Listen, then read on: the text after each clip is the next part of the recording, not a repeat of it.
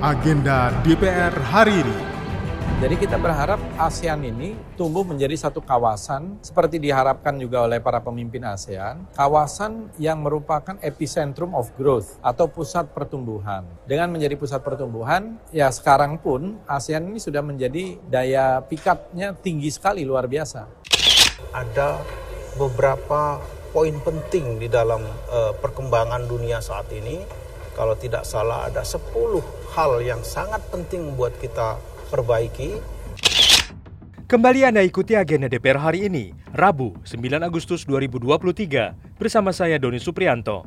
Hari ini sidang umum AIPA ke-44 sedang berlangsung, di mana hari ini adalah hari kelima dan banyak agenda yang dilaksanakan. Di antaranya adalah pada pukul 8 sampai dengan 10 waktu Indonesia Barat, berlangsung dialog bersama negara-negara observer dengan tema Kerjasama Parlemen Komitmen Bersama untuk Perdamaian, Stabilitas, dan Kemakmuran dengan negara-negara observer di antaranya Norwegia bersama Ade Rose Koirunisa, Rusia Federation bersama Agustina Wilujeng Pramesti, Timor Leste bersama dengan Ahmad Hafiz Tohir, Ukraina bersama Gilang Dila Farares, Amerika Serikat bersama Charles Honoris, pada pukul 10 sampai dengan 12 waktu Indonesia Barat, pertemuan antar komite bersama Fadli Zon.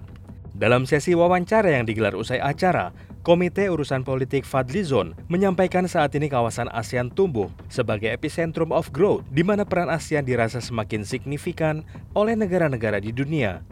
Jadi kita berharap ASEAN ini tumbuh menjadi satu kawasan seperti diharapkan juga oleh para pemimpin ASEAN, kawasan yang merupakan epicentrum of growth atau pusat pertumbuhan. Dengan menjadi pusat pertumbuhan, ya sekarang pun ASEAN ini sudah menjadi daya pikatnya tinggi sekali luar biasa bagi negara-negara di Eropa, di Amerika, Rusia, eh, RRC, Korea, Jepang semua, termasuk di dalam AIPA ya atau ASEAN Interparliamentary Assembly atau Parlemen ASEAN. Sekarang ini sudah ada 20 negara yang menjadi observer atau peninjau. Ada tiga negara lagi yang mengajukan diri sekarang ini.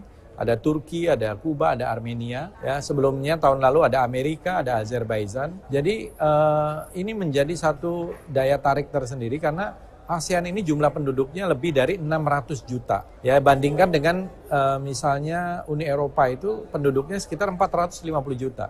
Dia uh, kita ASEAN ini di atas 600 juta. Jadi sumber daya alamnya juga kuat, sumber daya manusianya juga kuat, buying powernya juga kuat karena pertumbuhannya rata-rata di atas eh, negara-negara lain di dunia. Sementara itu, Komite Urusan Negara-Negara Observer Ahmad Hafiz Tohir menyampaikan banyaknya persoalan di ASEAN yang harus segera diselesaikan.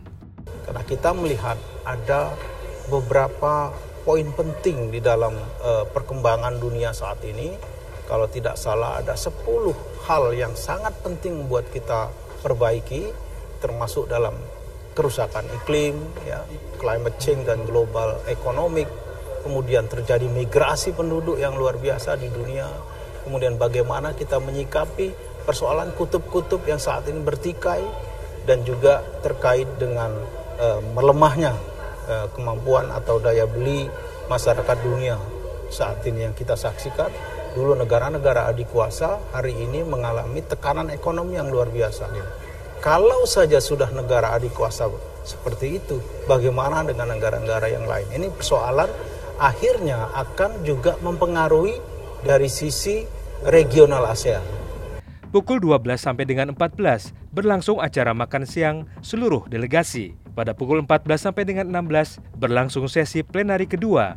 Beberapa agenda dilaksanakan seperti Women Parliamentary of AIPA bersama Irena Yusiana Roba Putri, Young Parliaments of AIPA bersama Dia Roro Esti Widya Putri, Komite Urusan Politik bersama dengan Fadli Zon, Komite Urusan Ekonomi bersama dengan Charles Honoris, Komite Urusan Sosial bersama Sukamta, Komite Urusan Organisasi bersama Putu Supat Marudana, Komite Urusan Observer bersama Ahmad Hafiz Tohir, Komite Urusan AIPA ASEAN Hearing bersama Siti Rozai Merianti, Dato Haji Abdurrahman, Sekretaris Jenderal AIPA. Pada pukul 16 sampai dengan 16.30 berlangsung acara closing session bertempat di Grand Ballroom, ground floor. dan acara diakhiri pada pukul 19 sampai dengan 21.30 di mana digelar acara makan malam bersama seluruh anggota delegasi Parlemen AIPA ke-44 di Jakarta. Sementara itu, beberapa agenda juga berlangsung di lingkungan DPR RI. Di antaranya adalah pada pukul 10 waktu Indonesia Barat bertempat di ruang Abdul Muiz Gedung Nusantara. Ketua Dewan Perwakilan Rakyat Republik Indonesia, Dr. Honoris Causa Puan Maharani, menerima kunjungan resmi Ketua Parlemen Laos, Sai Sompon Pomfihane, beserta delegasi.